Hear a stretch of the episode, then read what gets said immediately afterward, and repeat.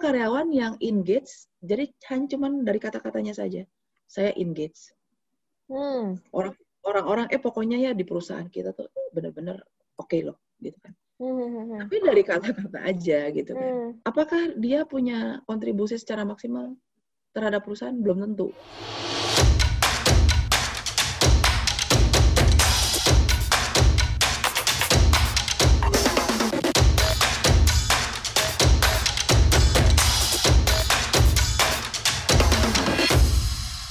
Hello and welcome back to Curhat HRD. Halo teman-teman, sekali lagi kembali lagi bersama kami di Curhat HRD, satu platform di mana teman-teman bisa belajar curhat apa pun seputar dunia HRD. Dan hari ini seperti biasa bersama saya Farid dan juga partner saya Marcel di sini. Halo semuanya. Dan kali ini kita bakal bahas sesuatu yang baru di bulan yang baru juga, yaitu temanya seputar apa, Marcel? Ini ha, kita akan mengangkat tema tentang employee engagement, gitu. Karena kabar-kabarnya ini Farid, gitu ya, kalau ngomongin employee engagement, banyak sih orang bekerja di perusahaan, tapi mereka tidak engage sama perusahaannya. Mereka nggak benar-benar terikat. Makanya jadi kerjaannya cuma setengah-setengah, gitu. Cuman datang kerja pulang ya udah gitu tapi nggak ada benar-benar keterikatan dengan pekerjaannya masing-masing. Yes, dan beberapa perusahaan merasa mungkin sudah merasa engage, sudah merasa, tapi merasa ada yang merasa belum engage, dan lama-lama definisi engagement ini sendiri jadi mulai bias nih. Kali ini, hari ini kita sama-sama mau ngobrol langsung bersama Ibu Lili Johan, yang dari sebelum-sebelumnya kita udah sering nagih cerita-ceritanya. Hari ini, Bu Lili mau cerita-cerita banyak lagi seputar employee engagement. Langsung aja, halo Bu Lili. Halo Farid, Ah, halo? Marcel. Baik, ketemu lagi ya. Iya, sehat-sehat Bu Lili? Sehat, terima Sehat, kasih. syukurlah. Semoga kalian juga sehat ya. Amin, sehat Bu, Amin. aman. Oke. Oke. Supaya menghemat waktu, karena biasanya kan kita merasa waktunya cepet banget ya, ya nggak sih Marcel? Iya, apalagi sama Bu Lili yang ceritanya udah banyak banget kan. Yes, yes, yes. Kita mau langsung, mungkin kita langsung masuk ke topiknya aja kali ya. Dan untuk sebagai opener, tadi kan kita udah sempat mention nih, engagement. Ada yang merasa udah merasa engage, ada yang merasa belum engage. Lama-lama definisi engagement sendiri jadi bias nih. Hmm. Kalau menurut Bu Lili sendiri, sebenarnya employee engagement itu sebenarnya apa sih? Oke, employee engagement ya. Kita ngomong engagement-nya dulu deh ya. Boleh, boleh Bu Lili. Nah, Apa sih artinya Kalau- gitu ya? Ya, iya. Kalau saya juga baca dari beberapa artikel dan kemudian juga saya juga pernah menjalankan juga yang namanya engagement survey. Jadi saya juga mencoba merangkum dari beberapa apa definisi ya. Dan saya menyimpulkannya bahwa engagement itu kan sebenarnya kan ungkapan emosi, ungkapan komitmen Hmm. dari membersnya, yaitu karyawan atau misalkan anggotanya, kepada organisasi atau perusahaan atau grup apa pun yang ada yang dibentuk, Hmm. di mana organisasi atau perusahaan atau grup tersebut bisa memenangkan dan menarik hatinya dan pikirannya para anggotanya. Jadi kalau yang dibilang namanya engagement itu sebenarnya kan fundamental bagaimana ada keterikatan emosi dan komitmen. Itu yang apa yang kalau mau dibilang eh, ini ya definisinya. Hmm, hmm, hmm.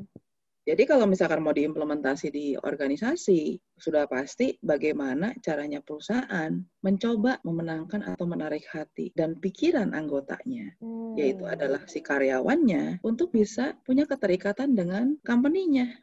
Jadi bicara ngomongin physically, mentally, sama emosi, itu benar-benar mereka akan terasa terikat secara fundamentalnya. Demikian eh, apa Oke. secara definisi ya. Secara definisi ya, tadi ada memenangkan hati itu fisik, emosi, dan pikiran ya Bu ya? Iya. Nah, ini kan ukurannya jadi agak nggak jelas nih. Yes. Iya kan?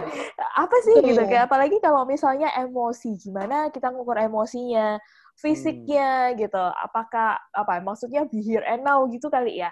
Eh, si employee ini benar-benar ngerjain 100% nggak di sini atau dia punya sambilan lain misalnya. Karena Nah. selama ini kan ukurannya biasanya yang dipahami adalah selama sudah tanda tangan kontrak, maka otomatis ya udah semuanya fokusnya untuk perusahaan dong. Betul, betul, betul. Dan otomatis terengage itu tadi ya, Farid ya. Yes. Karena tanda tangan kontrak kan. Asumsinya biasanya seperti itu. Heeh, heeh, benar-benar. Terengage secara uh, di atas kertas ya. Di atas kertas. Jadi legalnya tuh ter-engage gitu otomatis, auto-engage gitu. Nah, cuman Bu Lili gitu kan, uh, uh, uh, kalau tadi definisinya seperti itu, lalu sebenarnya apa sih yang diharapkan? Uh, mengapa sih perusahaan itu harus membangun employee engagement ini tadi? Karena sulit gitu, kalau menurut saya ya, nggak ada ukuran yang jelas gitu. Menangkan okay. hati, pikiran, fisik, bahkan emosi itu tidak kasat mata gitu. Oke. Okay. Nah, nah sebenarnya ini Sal, apa? Mm -hmm kenapa sih seorang sekarang mikirin engagement, engagement, engagement gitu kan? Kan seolah kan kok kayaknya penting banget sih. Kenapa mesti dibahas namanya engagement? Jadi ada juga beberapa literatur dan kemarin kemarin kemarin sama tadi pagi juga saya baru dengerin dari salah satu uh, portal belajar gitu kan. Ternyata uh, perusahaan itu sekarang punya tendensi uh, dua per tiganya tuh tidak engage dengan organisasinya.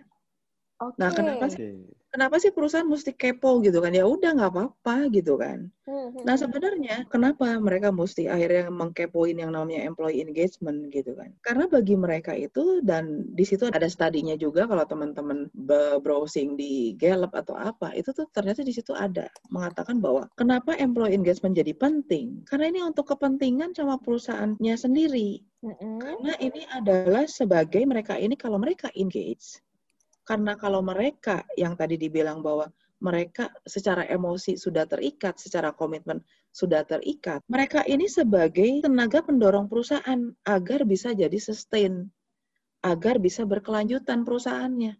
Jadi hmm. kalau dibilang ada juga yang beberapa artikel ya mengatakan bahwa dari uh, studi gitu kan bahwa ternyata ada beberapa perusahaan global yang menemukan bahwa tingkat persentase karyawannya tinggi, itu tidak hanya memiliki retensi karyawan paling berharga dengan jumlah yang besar, tapi juga pendapatan operasionalnya pun meningkat.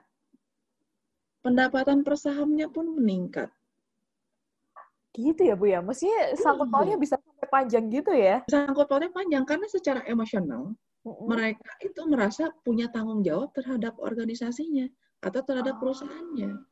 Oke. Okay, Sehingga okay. yang namanya jiwa, kalau jiwa, kalau kita sebagai misalkan kita sebagai uh, pengusaha, namanya kan biasanya namanya entrepreneur kan. Iya. Yeah, hmm. uh-uh. Tapi kalau misalkan orang yang di dalam dia sudah menyerahkan emosi dan keterikatan dengan perusahaan, dia akan berlaku seperti intrapreneur. Hmm. Jadi seperti entrepreneur tapi di dalam. Di dalam perusahaan ya. Jadi hmm. dia tidak, tidak uh, apa berkreasi sendiri, tapi dia justru berkreasi di dalam perusahaannya itu gitu ya. ya hmm. Yang dia lakukan adalah dia akan mencoba untuk bagaimananya, bagaimana caranya, misalkan untuk improvement, improvement apa, proses kerjanya, melakukan apa, efisiensi, hmm. bagaimana caranya untuk meningkatkan omset dari perusahaannya, bagaimana hmm. caranya menjual istilahnya dengan hati, karena dampaknya kan ujungnya nanti ke customer kan. Bagaimana ya, cara betul. dengan baik sehingga omsetnya bisa naik dan kemudian bagaimana caranya bisa menghasilkan profit sehingga mereka berpikir untuk mencari terobosan-terobosan baru. Hmm. Hmm. Ya, nah ya, itu ya. yang terjadi ya kalau makanya kenapa begitu banyak perusahaan melihat bahwa ayolah kita liatin eh, employee engagement kita, ayolah kita tingkatkan, karena ujungnya ke situ, ujungnya ke perusahaannya ke perusahaannya juga gitu. Oke. Berarti sebenarnya perusahaan itu tinggal men-trigger aja eh, kegiatan-kegiatan uh, yang bisa dilakukan untuk employee engagement dan sebenarnya secara otomatis juga uh, karyawan ini juga bisa membantu perusahaan ya Bu Lili ya. Iya. Untuk uh, meningkatkan omset misalnya atau uh, apa namanya untuk mencapai tujuan-tujuan perusahaan berarti kan? Betul. Oke, jadi pekerjaannya perusahaan seharusnya lebih mudah ya kalau kayak gitu? Iya, kalau misalkan mereka sudah ah. invest perusahaan itu akan lebih mudah untuk bisa menggulirkan proses bisnisnya. Oke, oke, ya, ya, ya, ya, ya. Seru ini kayaknya Farid ya. ya. saya mau nambahkan juga ya. Ya. Engagement itu kalau yang saya pernah pelajari gitu kan. Engagement itu namanya karyawan engagement itu sebenarnya ada tiga tipe. Hmm, Oke. Okay. Okay. Ya, jadi uh, ini saya pelajari dari salah satu sumber uh, yang cukup valid juga, gitu kan. Hmm. Jadi ada karyawan yang engage, jadi hanya cuma dari kata-katanya saja, saya engage.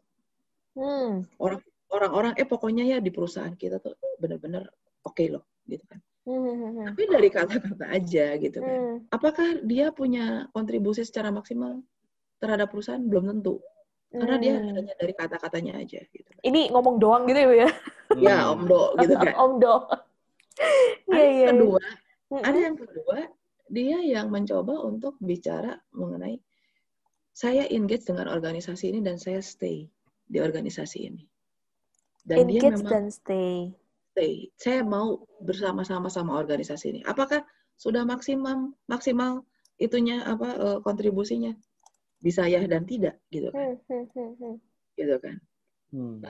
Kemudian yang ketiga itu adalah yang strive, yang mencoba yang tadi intrapreneurnya itu keluar banget gitu. Hmm. Berikan hal yang terbaik.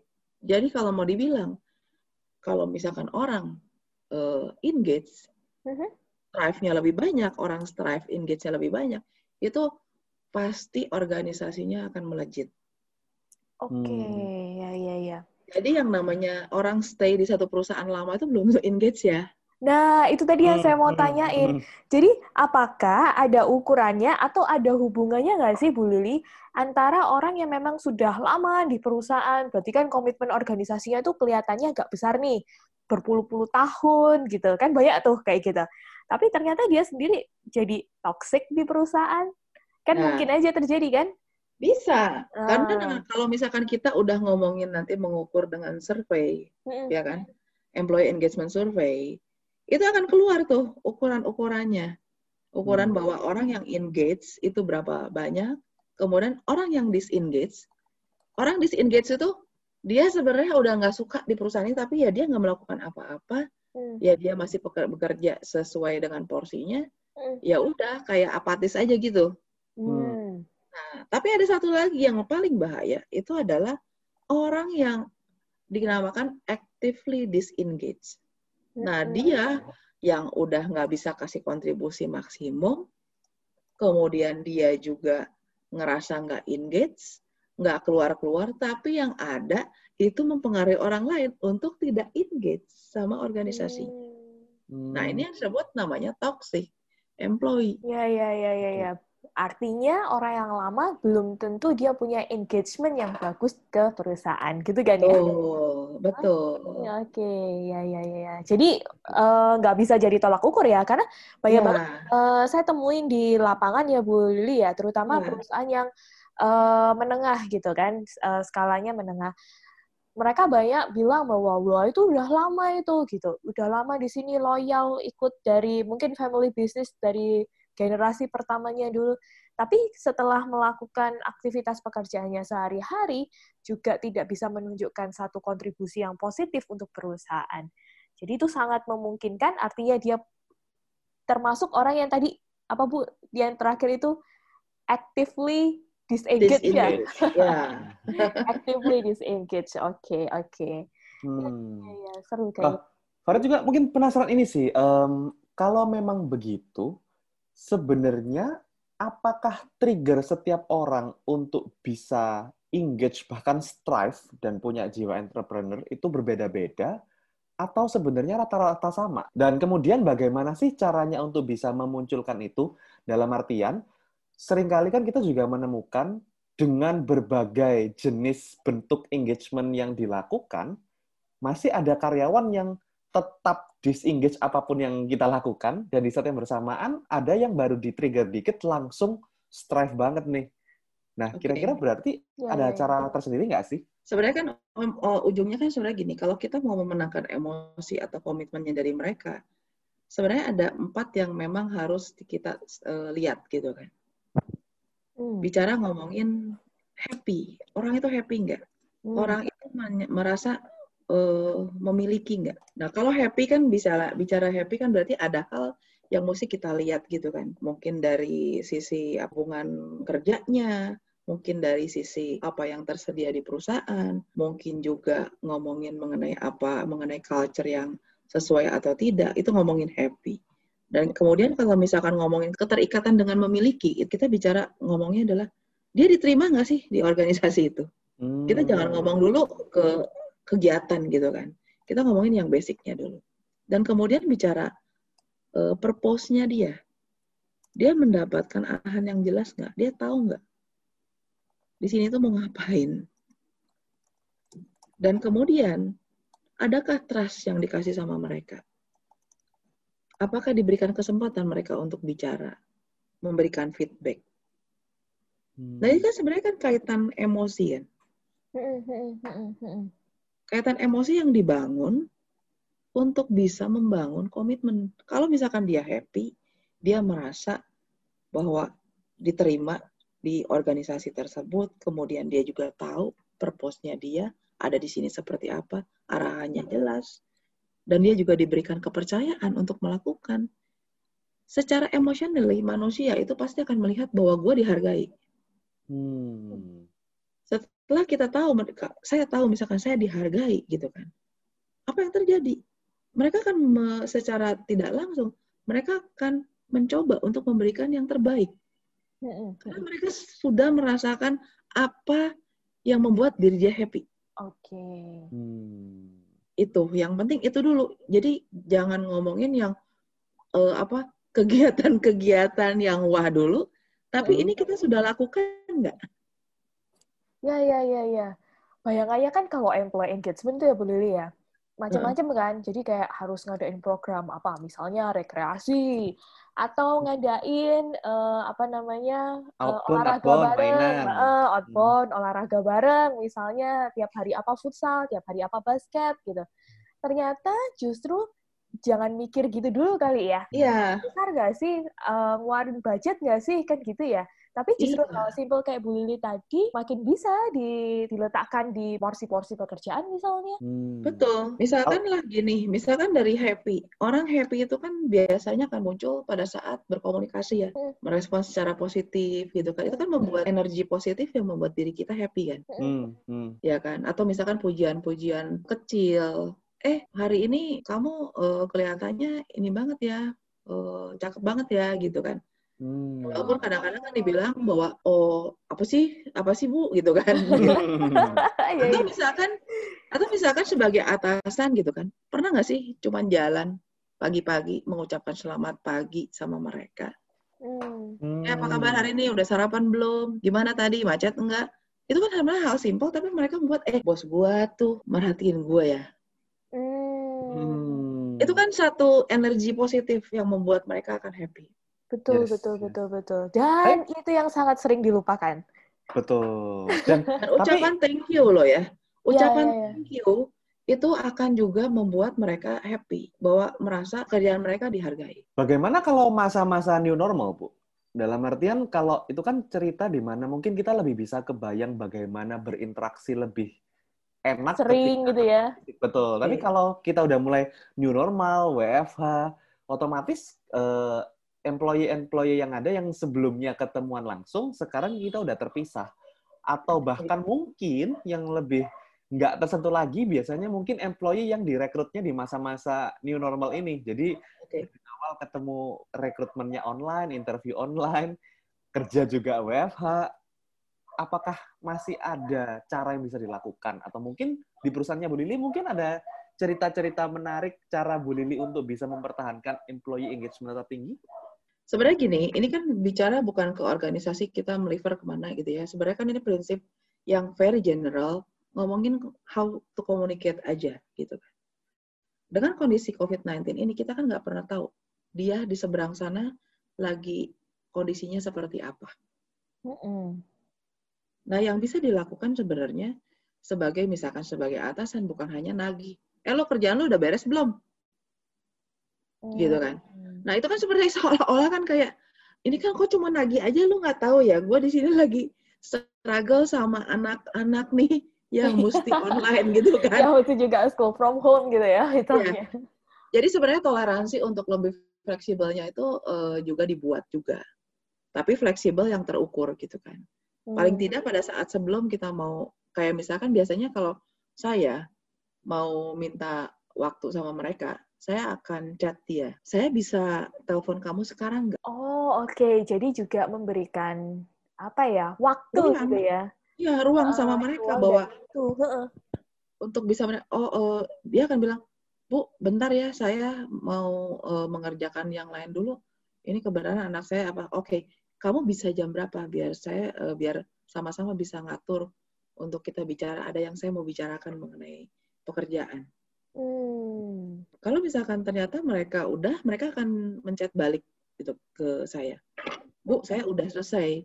Oke, okay, saya call sekarang ya. Oke. Okay. Pada saat masuk pun biasanya ada bahasa basinya lah. Iya, iya, iya. Bahasa basinya gitu kan. Oke. Okay. Tanya anaknya gitu ya. ya. Udah, udah selesai. Sama anakmu sudah selesai. Udah, udah gitu kan. Hmm. Saya kan pasti hmm. tanya, aku mau mau ini ya mau diskusi mengenai uh, masalah A misalnya. Hmm. Oke, okay, masalah ini udah sampai mana ya? Boleh tahu nggak saya progresnya gitu kan? Ada kesulitan apa yang di, yang kamu rasakan yang mungkin bisa saya bantu? Jadi mengoffer dulu sesuatu hal kepada mereka sehingga mereka happy. Oh, ternyata diperhatiin juga ya. Ternyata mereka mau di backup juga ya. Jadi apa yang bisa saya bantu untuk menyelesaikan pekerjaan kalau memang itu belum selesai. Oke, oke. Nah, ini yang jarang dan kelihatannya employee engagement ini jadi uh, hal yang sangat berkaitan dengan kemampuan leadership ya Bu Lili. Betul, karena ujung-ujungnya sebenarnya orang engage atau tidak engage itu. Mm -hmm. Kalau ngomongin mengenai si employee survey itu biasanya mereka akan bagi dengan beberapa pengelompokan scope apa yang mesti ditelitinya. Mm -hmm. Nah, yang salah satunya itu adalah effective leadership. Oh, jadi itu termasuk dari uh, kemampuan yang juga harus dikembangkan untuk membangun employee engagement ya? Betul. Oke. Okay, itu nggak okay. hanya dari kadang-kadang kan suka menunjuknya HR gajinya kurang gede. Hmm. Mau sampai kapan juga yang namanya employee survey itu total reward itu uh-uh. pasti akan nomor satu karena nggak akan pernah merasa cukup. Ya ya ya ya ya ya ya ya ya ya. Ya ini fakta yang sangat jadi rahasia umum ya. Hmm. Iya iya. Iya benar-benar. Ah. Oke oke. Menarik sih pembahasan ini karena uh, ya itu tadi kalau kalau dari saya sendiri saya jadi belajar bahwa ternyata loh yang namanya employee engagement itu nggak cuma soal program-program karyawan yang dilakukan perlu uh, apa perlu budget khusus gitu ya tapi ternyata hmm, hmm. justru kalau skill leadersnya itu ditambah supaya dia bisa punya komunikasi yang lebih efektif loh ternyata ya bisa gitu ya membangun employee engagement tanpa biaya gitu ya Bu Lili. Hmm. Ya sebenarnya bisa dibangun dengan yang paling bisa kita lakukan. Hmm. Karena kan hmm. ujungnya biasanya orang begini, nggak dikasih budget gimana gua mau bisa melakukan employee engagement. Betul, betul. Hmm. Uh -uh. Betul. Itu yang sering saya dengar soalnya Bu Lili. Sama kalau kalau mau bicarain trust, bicarain open feedback, terbuka itu juga harus bisa mendeliver mendeliver apa komunikasi yang pas. Misalkan hmm. bicara kompensasi, kompensasi udah pasti lah.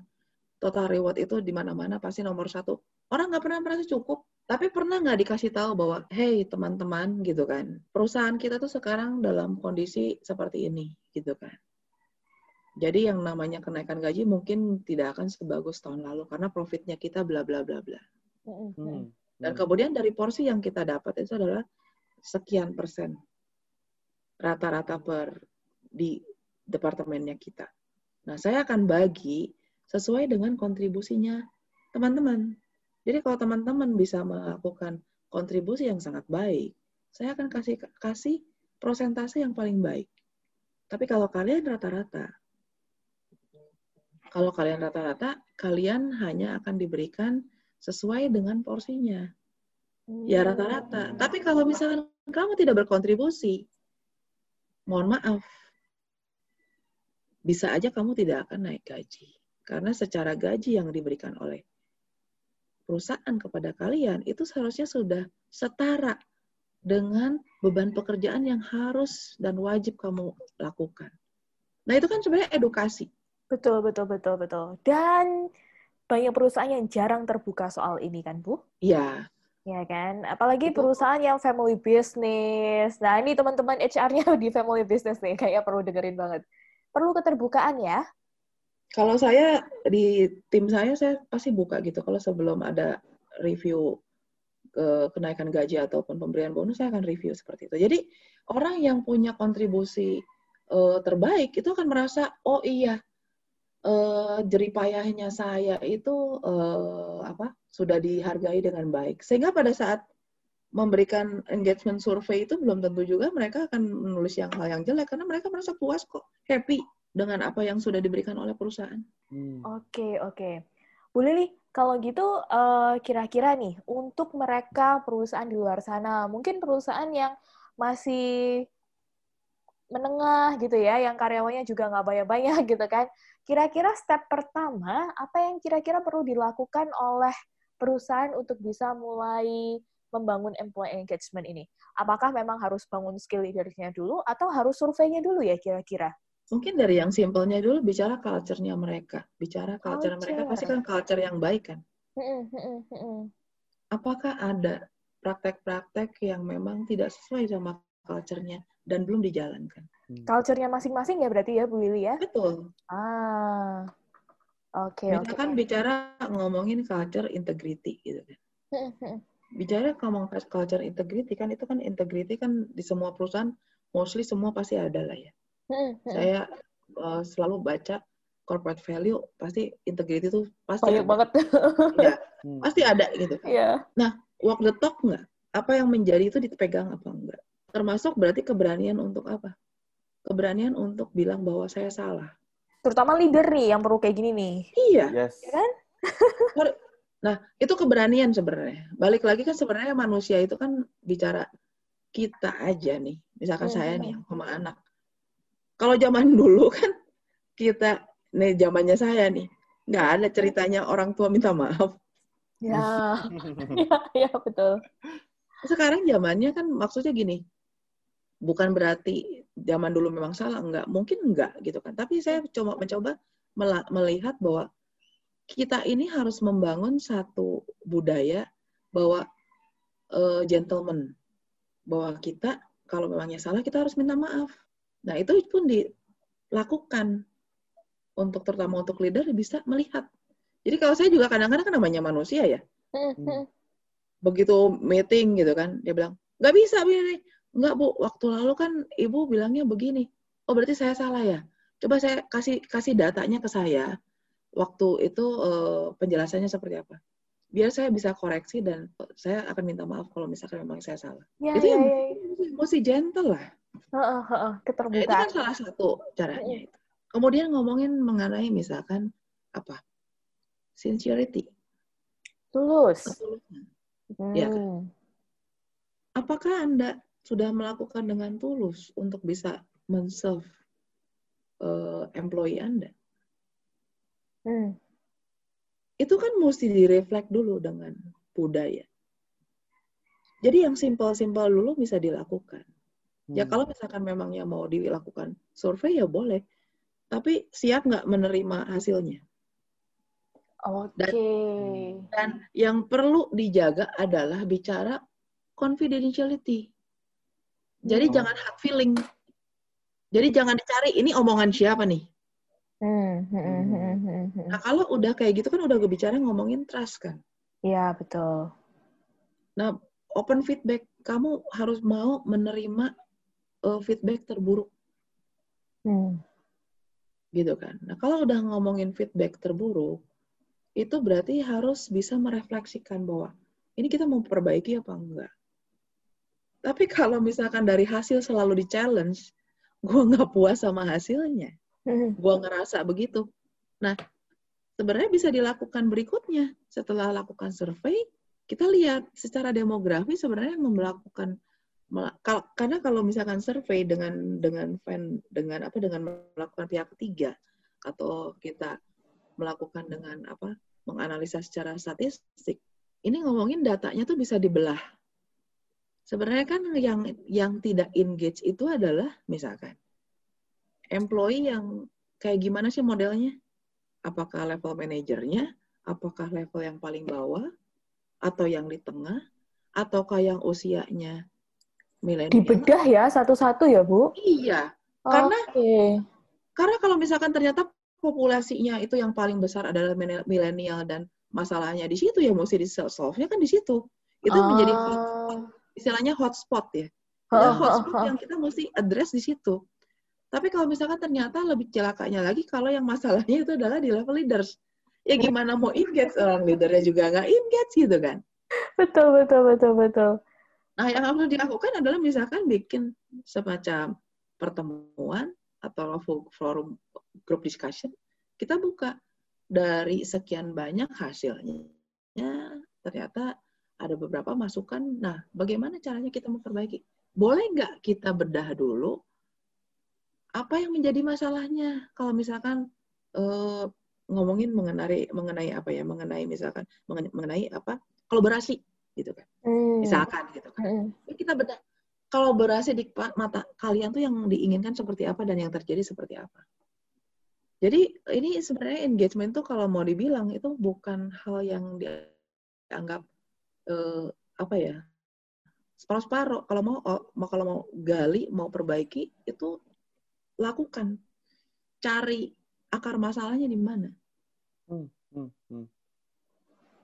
Hmm. Kalau misalkan ngomongin benefit misalkan, kita udah ada kok kesehatan misalkan kita kok ada kok ini itu ini itu gitu kan tapi sebenarnya apa yang dimauin mereka benefitnya tuh pas nggak sih bukan itu yang mereka mau mungkin bukan. ya ah pendidikan anak misalnya tapi salah kasih benefit bukan. jadi nggak engage oke okay.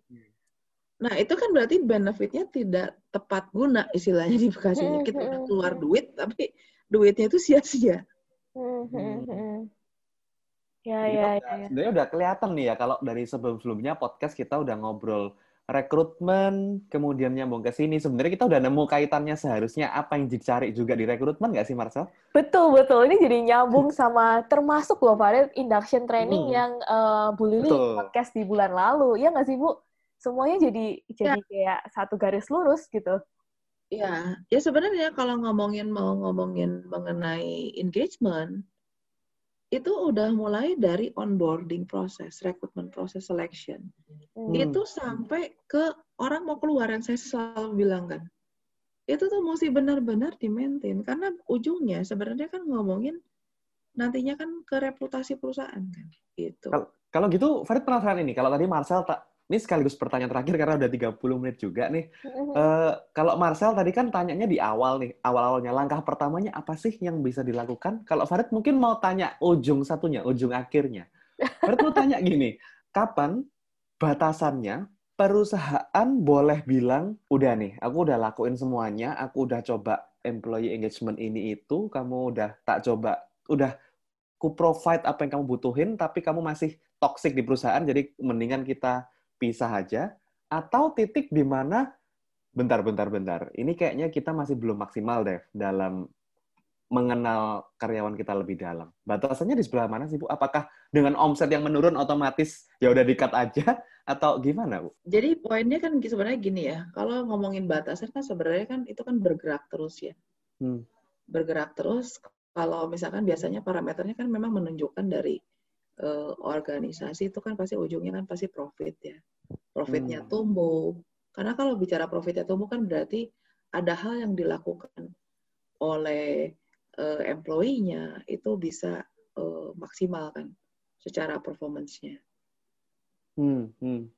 Nanti paling dilihat lagi, bicara lagi bahwa situasinya itu bisa dirasakan menyenangkan nggak? Apakah bisa juga membuat misalkan dari cara gini aja cara rekrut kita pasang iklan kita pasang iklan. Banyak orang nggak yang yang apa yang mau masuk ke organisasi kita. Hmm. kalau banyak orang yang mau masuk ke organisasi kita biasanya kan selain organisasi kita di luar itu punya pandangan yang baik. Hmm. bisa punya pandangan bisa istilahnya reputasi dan branding dia baik. Branding ini kan nggak serta merta hanya keluar begitu saja kan pasti yes. dibawa sama orang-orangnya. Iya, iya betul. Nah, orangnya ini berarti orang-orang yang speak up keluar bahwa organisasi ini baik. di dalam ini menyenangkan, di dalam ini gua happy kerja di sini, gitu kan? Ya kan? Betul, yang betul, betul. Ini yang kayak ini ya Bu ya, uh, misalnya kayak orang-orang Google yang kita tahu ya, wah kayaknya menyenangkan karena mm, sebenarnya employee sendiri yang brandingin. Betul. Nah, tinggal kalau misalkan memangnya mau meningkatkan hal seperti atau mungkin bisa dilihat bahwa oh sebenarnya udah dilakukan semua, tapi kok belum kayak belum kerasa ya. Hmm. Pernah nggak dikomunikasikan bahwa apa yang mereka minta itu, istilahnya bukan minta lah ya, yang mereka harapkan itu kita sudah coba perbaiki. Jadi mungkin ada komunikasi juga kepada mereka bahwa, hey, kalian kan kemarin dari dalam survei bisa udah kasih masukan ya. Terima kasih untuk masukannya. Organisasi, perusahaan mencoba untuk bisa menjawab Hmm. apa yang diharapkan oleh perusahaan. Nah, ini bentuk bentuk dari eh, apa realisasinya. Semoga apa yang kita realisasikan itu sesuai dengan apa yang sudah kita bicarakan sebelumnya. Hmm, nice, nice. Dan itu seharusnya ketika itu berjalan terus-menerus, dievaluasi terus-menerus, dieksekusi terus-menerus, seharusnya employee engagement pun bisa terpenuhi seharusnya dalam tahap yang tinggi, taraf yang tinggi lah. Kayak seperti itu. Iya. Mungkin menutup cerita, Farid itu sempat nemu juga di LinkedIn. Jadi di LinkedIn em, ada satu cerita, eh, satu tulisan, satu postingan. Si karyawan ini bilang kalau sempat suatu hari HRD-nya nyebar juga survei engagement juga sama seperti Bu Lili. Dan kemudian ketika diisi ditanyain di masa pandemi WFH, kamu berharap perusahaan ngasih apa sih? Dan dia kan mikirnya iseng-iseng kan, halah paling mereka nggak bakal ngasih apa-apalah. Hmm. Jadi dia isinya iseng. Iseng cuma bilang, ini saya kerja di kos-kosan, pegel. Kalau ada meja sama kursi enak kali ya. Dan ternyata dikirimin beneran dong sama perusahaannya, dikirimin Oh meja. serius? Iya iya iya, how simple ya Bu Lili ya, meja kursi Ya. berapa sih? Heeh, heeh, Mm-mm. heeh. Ada yang unexpected yang itu kan sebenarnya kan unexpected banget kan. Semua Hmm. orang kalau mendapatkan suatu hal yang unexpected itu luar biasa. Hmm. Hmm, ya ya Sampai ya. akhirnya ya. bisa berani bikin postingan seperti itu kan berarti itu udah otomatis jadi Branding banget. Ya sebenarnya kan sebenarnya maksudnya setiap perusahaan itu kan pasti punya punya alokasi balik lagi ke kantongnya masing-masing kan ya. Nggak Hmm. perlu me- maksudnya nggak perlu sama. Tapi cari yang unik yang memang eh, di, diperlukan benar-benar oleh organisasinya. Hmm. Ya ya ya Yes, ya. yes, yes. Wah, menarik banget sih Farid ini ngomongin employee engagement. Dan kayaknya topiknya kita sama-sama suka ya, karena nggak cuma soal uh, kreativitas gitu, uh, kreativitas Hmm. leader, kreativitas perusahaan, tapi juga ini ngomongin uh, basic human needs sih, kalau menurutku ya Farid, Yes, yes. gitu. Nah, kalau boleh share nih Farid dapat take away apa nih dari sesi podcast hari ini? Hmm, kalau hari ini em, yang paling Farid notice itu tentang empat poin yang kita bisa identifikasi di dalam perusahaan sih, employee di dalam konteks employee engagement. Kita bisa perhatiin apakah mereka udah dapat happiness-nya, udah punya rasa memiliki, mereka cocok sama culture-nya. Kemudian mereka apakah mereka udah diterima? Itu sesuatu yang jarang dipikirin ya biasanya. Biasanya kan karena pokoknya tak kasih kerjaan, kamu tak gaji, selesai. Ya, ya, ya. Perikatan tersendiri yang seharusnya ada gitu. Dan yang ketiga, purpose. Dan terutama ini em, milenial banget sih, karena milenial biasanya kan masuk ke perusahaan karena ada satu tujuan purpose tersendiri, mau belajar ini atau kepengen jadi apa dan lain sebagainya. Dan itu Hmm. harus terpenuhi juga. Dan yang terakhir, trust. Gimana sebera, sejauh mana kita mempercaya mereka, sejauh itu juga mereka akan mempercayai kita. Kayak gitu. Hmm. sih. Kalau Marsha? Eh, kalau aku yang dapat banget dari Bu Lili adalah justru tadi saat Bu Lili menyampaikan langkah pertama apa sih yang harus dilakukan perusahaan, ternyata itu back to culture, yang artinya itu back to basic lagi, dan sebenarnya culture itu bukan cuman pajangan di tembok aja, tapi culture itu mesti benar-benar kita lakukan, atau istilahnya tadi Bu Lili adalah ya itu walk the talk gitu, kita ngelakuin Yes. apa yang jadi culture-nya, itu adalah step pertama untuk membangun employee engagement. Gitu. Yes, yes. Seru ya? Seru banget hari ini, tapi sayangnya waktunya udah lumayan overtime juga karena kita Iya. ngobrol. Dan sekali lagi thank you Bu Lili buat sharing-sharing. Sama-sama, Farid sama Marcel. Seperti biasa di podcast mendatang mungkin kita pasti bakal nagihin cerita-ceritanya Bu Lili lagi ya harusnya. Pasti dong, Bu Lili ini kayak udah, kalau buat saya Farid, Bu Lili ini kayak eh, Wikipedia gitu. Mungkin kita Wah. bisa menyebutnya Lilipedia gitu. Lilipedia. Mungkin ya next podcast kita hashtagnya Lilipedia aja kan. ya. Iya, boleh-boleh. gitu dan um, thank you buat teman-teman yang udah dengerin kalau teman-teman pengen tanya-tanya ataupun curhat boleh lewat email kami di info at sinergiakonsultan.com atau boleh kalau teman-teman mau DM atau mungkin mau share di Instagram teman-teman boleh dan jangan lupa di tag ke Instagram kami at sinergia underscore konsultan Dan juga Bu Lili Instagramnya di J5JOE. J5JOE. Dan kita pasti senang banget buat nunggu DM cerita teman-teman sekalian. So, that's all for today. Thank you teman-teman buat yang dengerin sampai akhir. Tetap jaga kesehatan, tetap jaga produktivitas juga. Stay safe, stay productive, and as always, don't forget to keep your energy to still. Bye-bye. Bye. Bye.